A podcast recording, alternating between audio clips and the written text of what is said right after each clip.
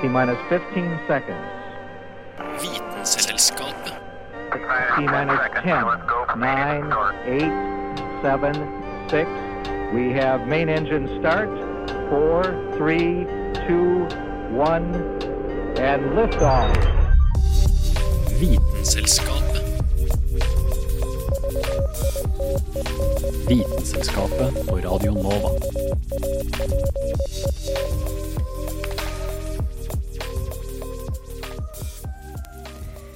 I dag i Vitenskapet så skal det handle om eh, noen rare søppelkasser i Oslo som kan snakke. Men i Bergen så går det under bakken. Vi skal nemlig snakke om søppel i dag, og i studio har jeg Hanne Grydland i et lite pip. Hallo! Jeg sa pip. Pip! ja, det var et lite pip. Mitt navn er Kristin Grydland, og jeg skal guide deg forhåpentligvis trygt gjennom denne halvtimen med søppel. Eh, I hvert fall tematisk sett. du hører på Vitenselskapet. Oslo 2 igjen, Oslo 2. Dette er Vitenselskapet. Radio November, Oskar. Viktor. Alfa.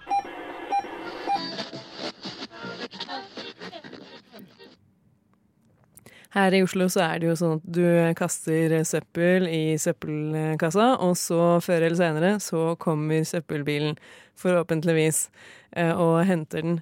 Men eh, sånn er det ikke i Bergen.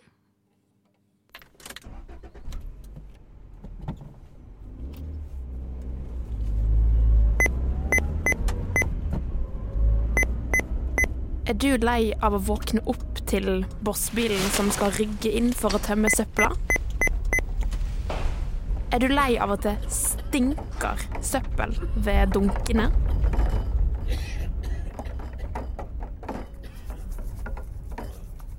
Vel, da kan du faktisk flytte til Bergen om du vil, fordi der har de faktisk et ganske kult system når det kommer til dette med avfallshåndtering. De har et system som kalles Bossnettet. Her er det ikke noe åpent bossbånd, men heller et lukket system som er koblet til et rørnett under bakken. Man skal bruke et nøkkelkort for å åpne lokket til systemet. Da kan man kaste inn søppelet, som går videre ned til en sjakt under bakken. Denne sjakten blir tømt ca. to ganger om dagen ved å sette på en Boss-støvsuger som drives av hele ni vifter. Når denne står på, suges luft inn i en ende, og vi får en vindhastighet på opp mot 80 km i timen. Bosset suges til en oppsamlingsterminal ned i lukkede konteinere. Og her blir bosset videre sortert og resirkulert. Og over bakken er det helt stille. Det er også helt rent og ryddig. Siden bossbåndene ikke er der lenger, så blir det også mindre lukt, mindre skadedyr og mer plass til folk. I tillegg så blir jo det mindre trafikk av biler som skal tømme dette bosset.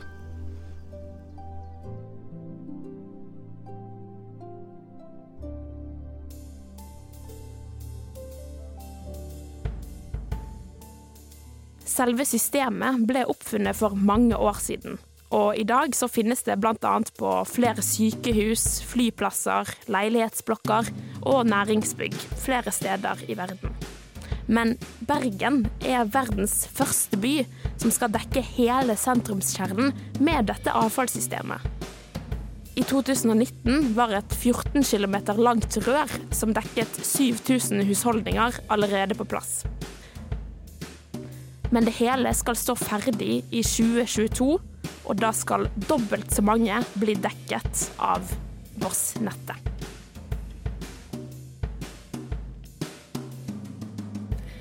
Planen er jo at dette restavfallet så skal samles opp eh, og brennes, og så skal den varmen bli til fjernvarme, og så gå tilbake igjen til husene. Og da sparer man jo ganske mye energi. Ja, man gjør det, Kristin. Jeg hører du er eh, at du vet hva som skjer med restavfallet. Men vet du hva som skjer med de andre søppeltypene? Altså matavfall og plast og sånn. Ja, Ja, jeg tenker plast. Det blir vel smelta, og mat eh, blir til kompost. Eh, ja jeg, kan, jeg har lagd en liten quiz til deg, så vi kan se Jeg om du elsker quiz. Så hvor god er Kristin på resirkulering? Di, di, di, Jeg er faktisk supergod. Kom igjen. Kom med dine vanskeligste spørsmål. Ja. um, hvilken pose skal plastsugerør kastes i? Eh, OK, for eh, blå er jo plast, og grønn er mat, og vanlig eh, pose fra butikken, det er rest. Ja, Og så kan du i tillegg ha glass og metall og papir. Ja, jeg, jeg, jeg tenker vanlig sånn plastsugerør. Eh, Det skal i hvert fall ikke papir, og ikke glass og metall. Men siden du spør, så føler jeg at det er noe annet enn det åpenbare her. For det åpenbare er Det åpenbare er jo plast. Det er jo plastsugerør. Ja, men overraskende nok så skal plastsugerør i restavfallet. Hvorfor det? Jeg vet det, det er kjemperart, men regelen er at eh, plastavfall det, er, altså, det som skal kastes i plastavfallet, det skal kun være plastemballasje. Altså ting som har vært rundt mat og sånn.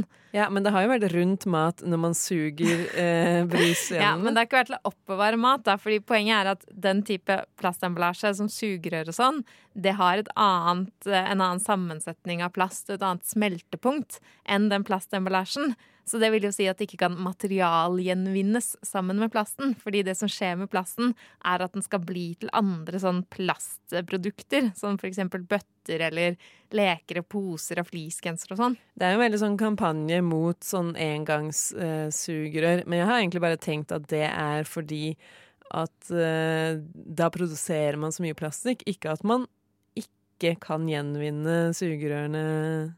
Ja, man kan, eller de blir jo til energi, da, fordi de brennes med restavfallet. Ja. Men neste. Stearinlysholder. Den Tom, med metall, tom. sånn i metall. Ja. Um, da uh, skulle man tro at det gikk i metall, men det er jeg ganske sikker på at det ikke gjør, siden det er aluminium. Så da sier jeg rest. Det er feil, for de skal i metall. Nei! Men jo, men det, du har rett i at um, selve eh, stearinlysholderen, den er i aluminium. Men den lille vekeholderen, altså den i bunnen, den inni, den er i stål. Og det man må gjøre da, er at man må løsne vekeholderen fra uh, aluminiumsbeholderen for at det skal bli riktig sortert. Fordi når den kommer til metallgjenvinningen, eh, gjenvinningen, så har de en sånn diger magnet eh, som eh, fjerner eh, Skiller aluminium fra stålet. Okay. Og hvis du, ikke, hvis du da ikke har løsna vekeholderen, så klarer du ikke å resirkulere aluminiumen. Men hvor skal vekeholderen eh, sorteres, da? Nei, den kaster de vel bare på en fylling. det høres ikke bra ut. OK, eh, kom igjen. eh, et spørsmål ja, til. da. ok, siste. Eh, hvor skal eggeskall kastes? Det skal i matavfall. Ja, Det er riktig. Og matavfallet det blir jo til biogass. Til f.eks. bussene våre går jo på biogass, mange av dem. Men det overraskende, eh, sånn tallerkener og mm, bestikk og sånn som er lagd av komposterbart eh, materiale, Ja. det er jo liksom sånn i vinden. Det kan du ikke kaste i grønn pose. Hvorfor ikke? Nei, eh, fordi eh, den type produkter de får en sånn gummiaktig konsistens når de varmes opp i gjenvinningsanlegget. Som gjør at de ikke kan brukes eh, til biogass og biogjødsel. Jeg begynner å liksom miste helt forståelsen av poenget her. Ja, det er mye man ikke kan når man setter seg inn i det. Ja, det er eh, litt sånn overraskende ting. Det viser seg jo at det er vanskeligere enn det man eh, skulle tro. Men det er iallfall bra at vi har lært hvor vi eh, skal resirkulere disse tingene, da. Sånn at vi stadig blir litt bedre. There's hydrogen and helium, then lithium, beryllium. Boron, carbon everywhere. Nitrogen all through the air with oxygen so you can breathe. Du hører på Vitenselskapet på Radio Nova. Magnesium, aluminium, silicon, phosphorus, then sulfur, chlorine, then argon, potassium, and calcium so you'll grow strong. Scandium, titanium, vanadium, and chromium, and manganese. Det handler jo om søppel her i Vitenskapet i dag, og derfor har jeg et spørsmål til deg, Hanne. Har du sett noen rare søppelkasser rundt i Oslo eh, i det siste? Nei, ikke noe Sånne utover det. Sånne store, firkanta grønne, og så står det noe på dem. Eh, Da tror jeg ikke jeg har vært så mye i byen, kanskje. Er det noe nytt? Ja, det er eh, noen ganske spesielle søppelkasser. Smarte søppelkasser. Og Ida og Katrine Vassbotn har eh, vært nede i Oslo sentrum og snakka med Bymiljøetaten, som har satt opp disse. Fordel spesielt her i Kollansgata, hvor det er ferdes vel med mennesker. Eh, sommerstid så blir de kassene som eh, sto her før, eh, tømt tre til fire ganger om dagen.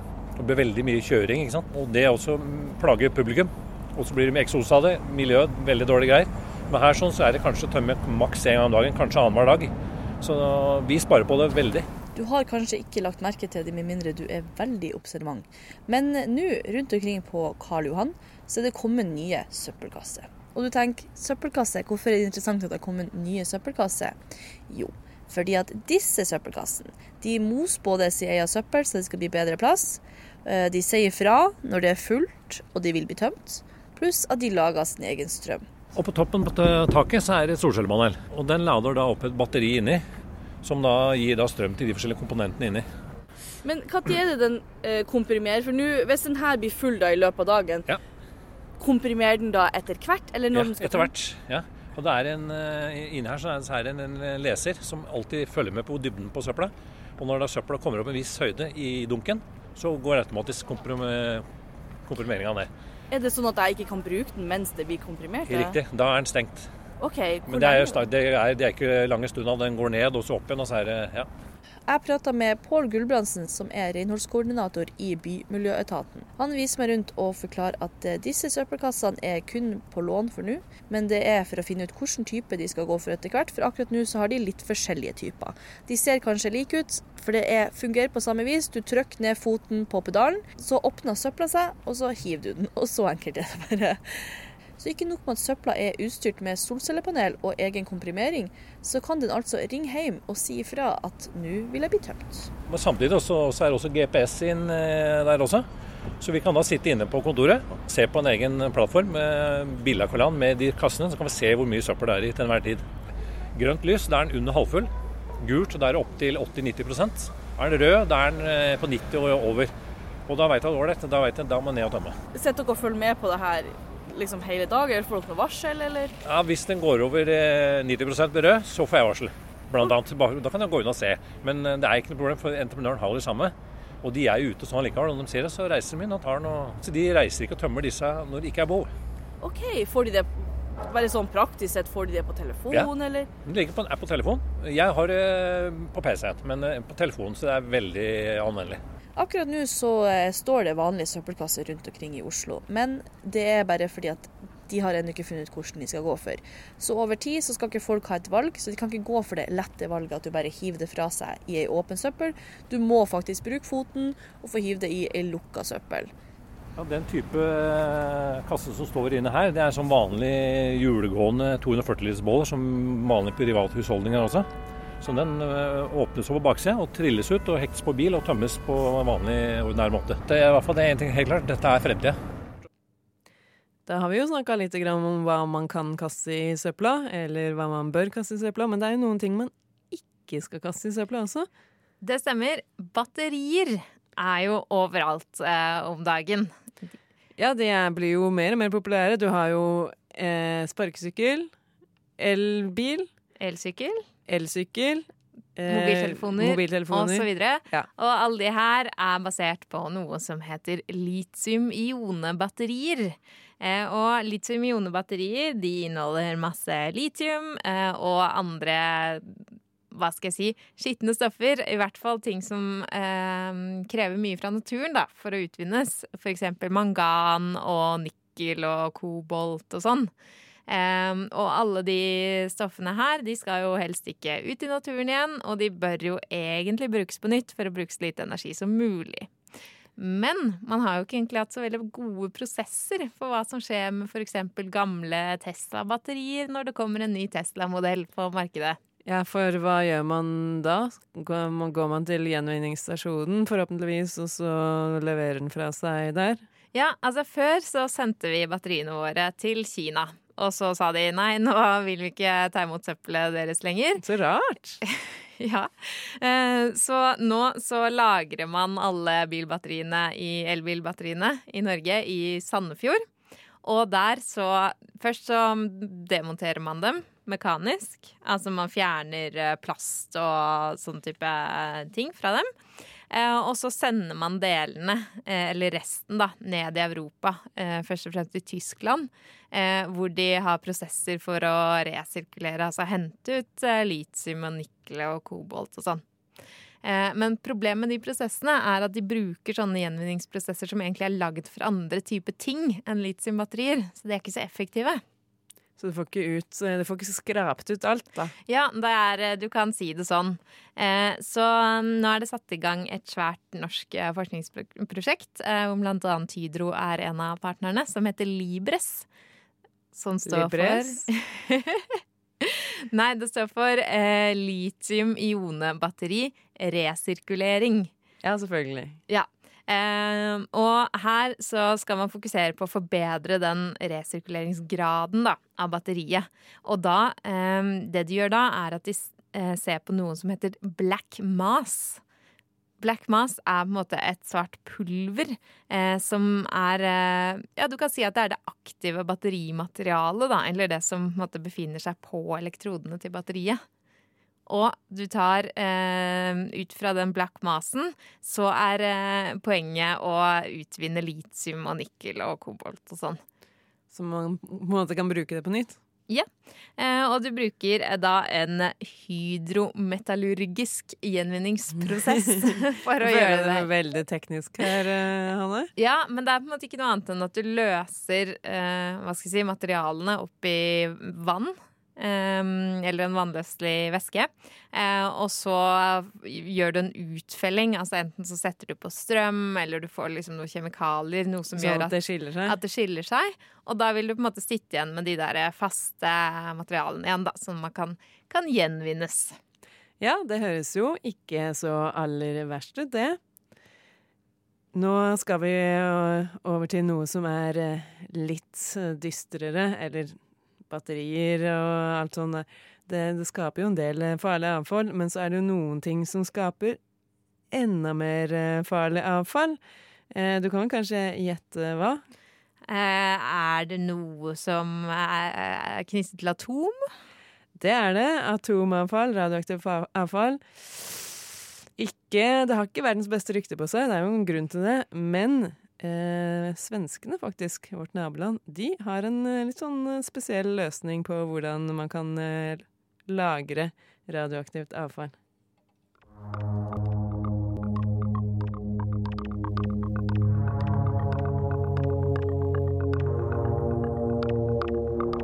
For land som produserer energi basert på atomkraftverk, er det utrolig viktig å tenke på hva å gjøre med avfallet som kommer fra prosessen.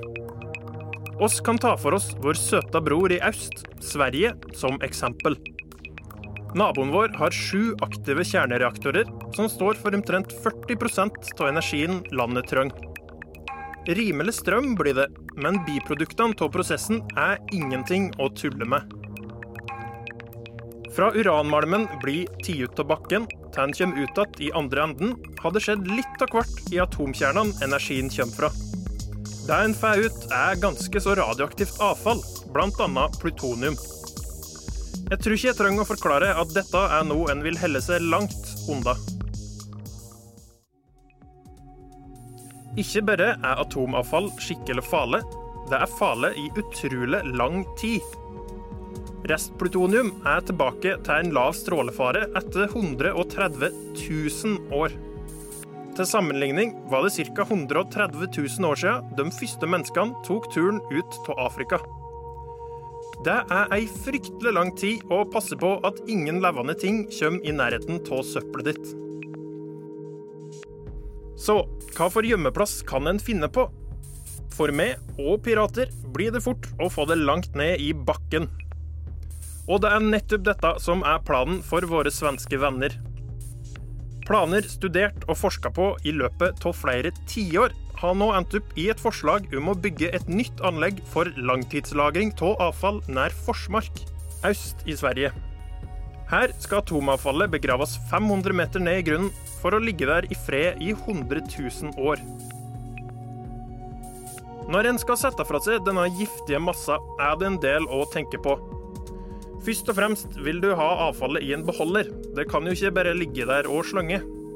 Men å finne en beholder som holder så lenge, krever gjennomtenking.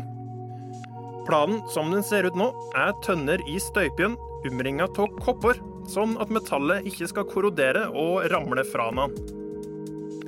Et problem en støyter på når en lager lagringsplass langt nede i bakken, er grunnvannet. Jeg trenger kanskje ikke å fortelle deg at å forurense dette med stråling kan ende katastrofalt for både mennesker og natur. I Formark er planen derfor å omringe kapslene med bentonittleire. Denne leira absorberer væske godt, så om uhellet skulle skje og ei lekkasje nærmer seg atomavfallet, vil forhåpentligvis skada minimeres. Sjøl med nøye gjennomtenkte planer er det mye som kan skje på 100 000 år. Jordskjelv, endringer i grunnvassføring og en ny istid er alle ting å ha i bakhugget. Men noe må en gjøre med søpla, og det er tross alt bedre å gjemme det langt der nede enn å logge bomber av det.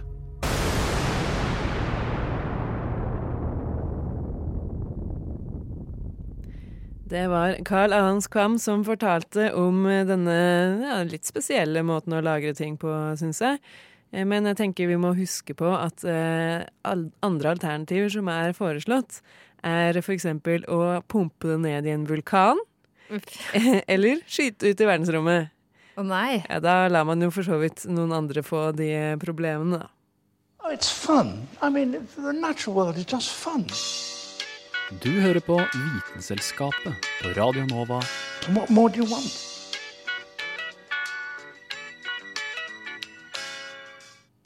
Du hører på Vitenskapet, og vi har jo snakka en del om eh, søppel, søppelsystemer og sortering og alt mulig sånn. Men noen ganger så havner jo avfall på avveie. Eh, og det har de gjort eh, ikke så langt unna her, i Bærum. Der er det en skytebane, jeg vet ikke om du har hørt om den. Den heter Løvenskioldbanen. Mm -hmm. ja, og den er veldig veldig mye brukt. Det er en av de mest brukte skytebanene i landet. Sånn for militæret? Ja, de, de, er der lite grann, og så er det private. Så hvis du driver med konkurranseskyting, f.eks. sånn lærdueskyting, skit osv., så, videre, så kan du gå opp dit og så eh, trene lite grann. Og det er jo ja, fryd og gammen, vil jeg si, for uh, de som er interessert i det. Men det her, dette her med avfall på avveie kommer inn. Fordi det viser seg at uh, ca. 50 års uh, bruk av eh, en sånn skytebane har ført til litt grann kuler og krutt, bokstavelig talt, ute i naturen. Det er jo et veldig sånn naturlig område der, der ute i marka. Og det som har skjedd, er jo at den er blitt brukt veldig mye, og de kulene som det er blitt skutt med, eller hagl eller ja, ulike patroner som er blitt skutt med, det har i veldig stor grad bare blitt liggende ute i myra og ute i uh, området. Ja, for det plukker de ikke opp når de er ferdig å skyte, liksom?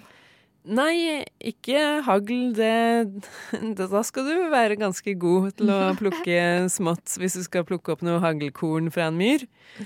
Eh, så det er eh, ja, praktisk vanskelig, vil jeg si. Og er dette her et problem? Ja Hva tror du? Eh, det spørs jo om noen eh, bor rundt, da, eller naturområder og sånn. Ja, det er jo et veldig mye brukt område. Mange går tur, og mange går tur med hundene sine og barna sine og alt mulig sånn. Og det de fant ut, var at på grunn av den skytebanen, så er det veldig mye bly i de bekkene som renner bort fra det området. Altså veldig mye bly. Og bly er vel ganske giftig, er det ikke det? Bly er kjempegiftig, og det er sånn som hoper seg opp i kroppen. Så jo mer du drikker, jo, eller spiser, jo mer hoper det seg opp. Eh, og det, det som skytes ut, da, det er faktisk 24 biler årlig. Ikke, ikke, ikke faktiske bilene, men det tilsvarer ca. 24 Ok, Så det er biler. som å legge 24 bilvrak, liksom kappe dem litt opp og bare legge dem utover et område? Ja, og så har de mye bly i seg og sånt. Men nå er det jo sånn at vi mennesker, vi får i oss bly daglig. Gjennom det vi spiser og drikker og alt sånn, så får vi ca. 35 mikrogram daglig.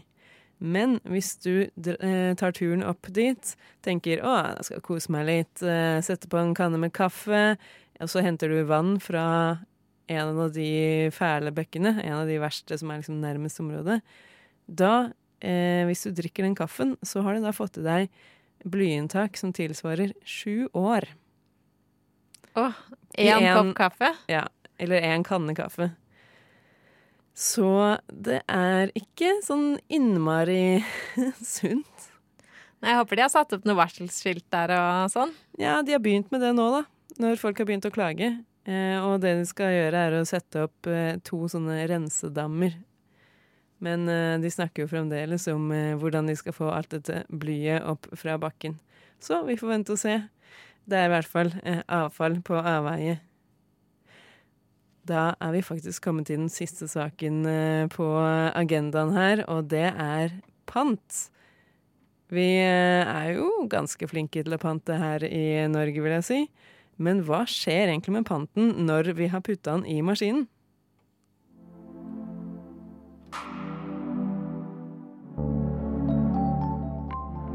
Hvert år pantes 1 milliard flasker og bokser i Norge. Det er 97% av alle plastflasker og aluminiumsbokser som blir solgt.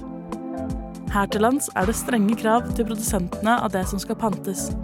Ikke bare til hva slags materiale flaskene selv blir laget av, men også etikettene og til og med limet som brukes på flasken. La oss nå ta en titt på reisen som panten må gå gjennom for å oppnå evig liv.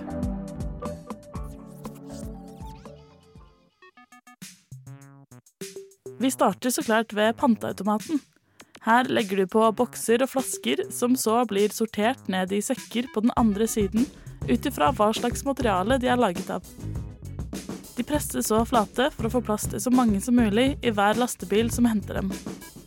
Lastebilene kjører dem så til ett av tre panteanlegg i Norge, avhengig av hvor i landet panten kommer fra. Panten fra Oslo blir sendt til Heia i Fettsund, som har kapasitet til å ta imot én milliard flasker hvert år. Her blir sekkene tømt over på et transportbånd, som videre sorterer mellom aluminium, klare plastflasker og fargede plastflasker. Så blir de sendt inn i en trommel som sorterer ut plastkorker, etiketter og aluminiumsbiter, som sendes videre til materialutvinning. Deretter blir panten sendt inn i en buffersilo, som sørger for en jevn strøm ut på sorteringslinja. For å sortere ut aluminiumsboksene sendes de gjennom en kraftig magnet, mens flaskene fortsetter til en optisk sorteringsmaskin som skiller klare og fargede flasker fra hverandre. Dette blir gjort fordi klare flasker kan bli gjenvunnet til nye flasker, mens fargede flasker blir til plast med en blandingsfarge som egner seg best til å lage andre ting.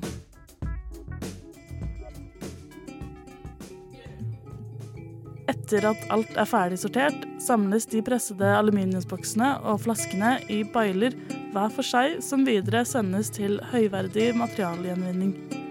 De klare flaskene sendes til Tyskland eller Sverige, fargede flasker til Nederland og aluminiumsboksene til Holmestrand.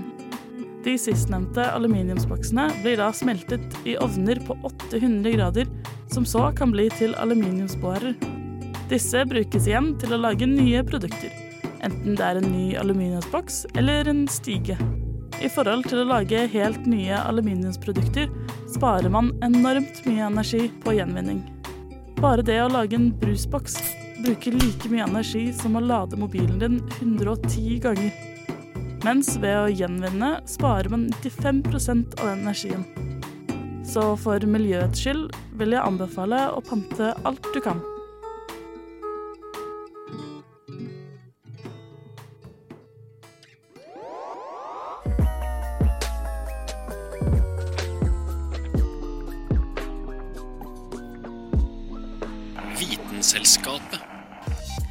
Denne utgaven av Vitenselskapet er over for denne, for denne gang, men vi har jo ingen holdbarhetsdato, så du kan bare laste ned podkasten og høre den så mye du bare vil.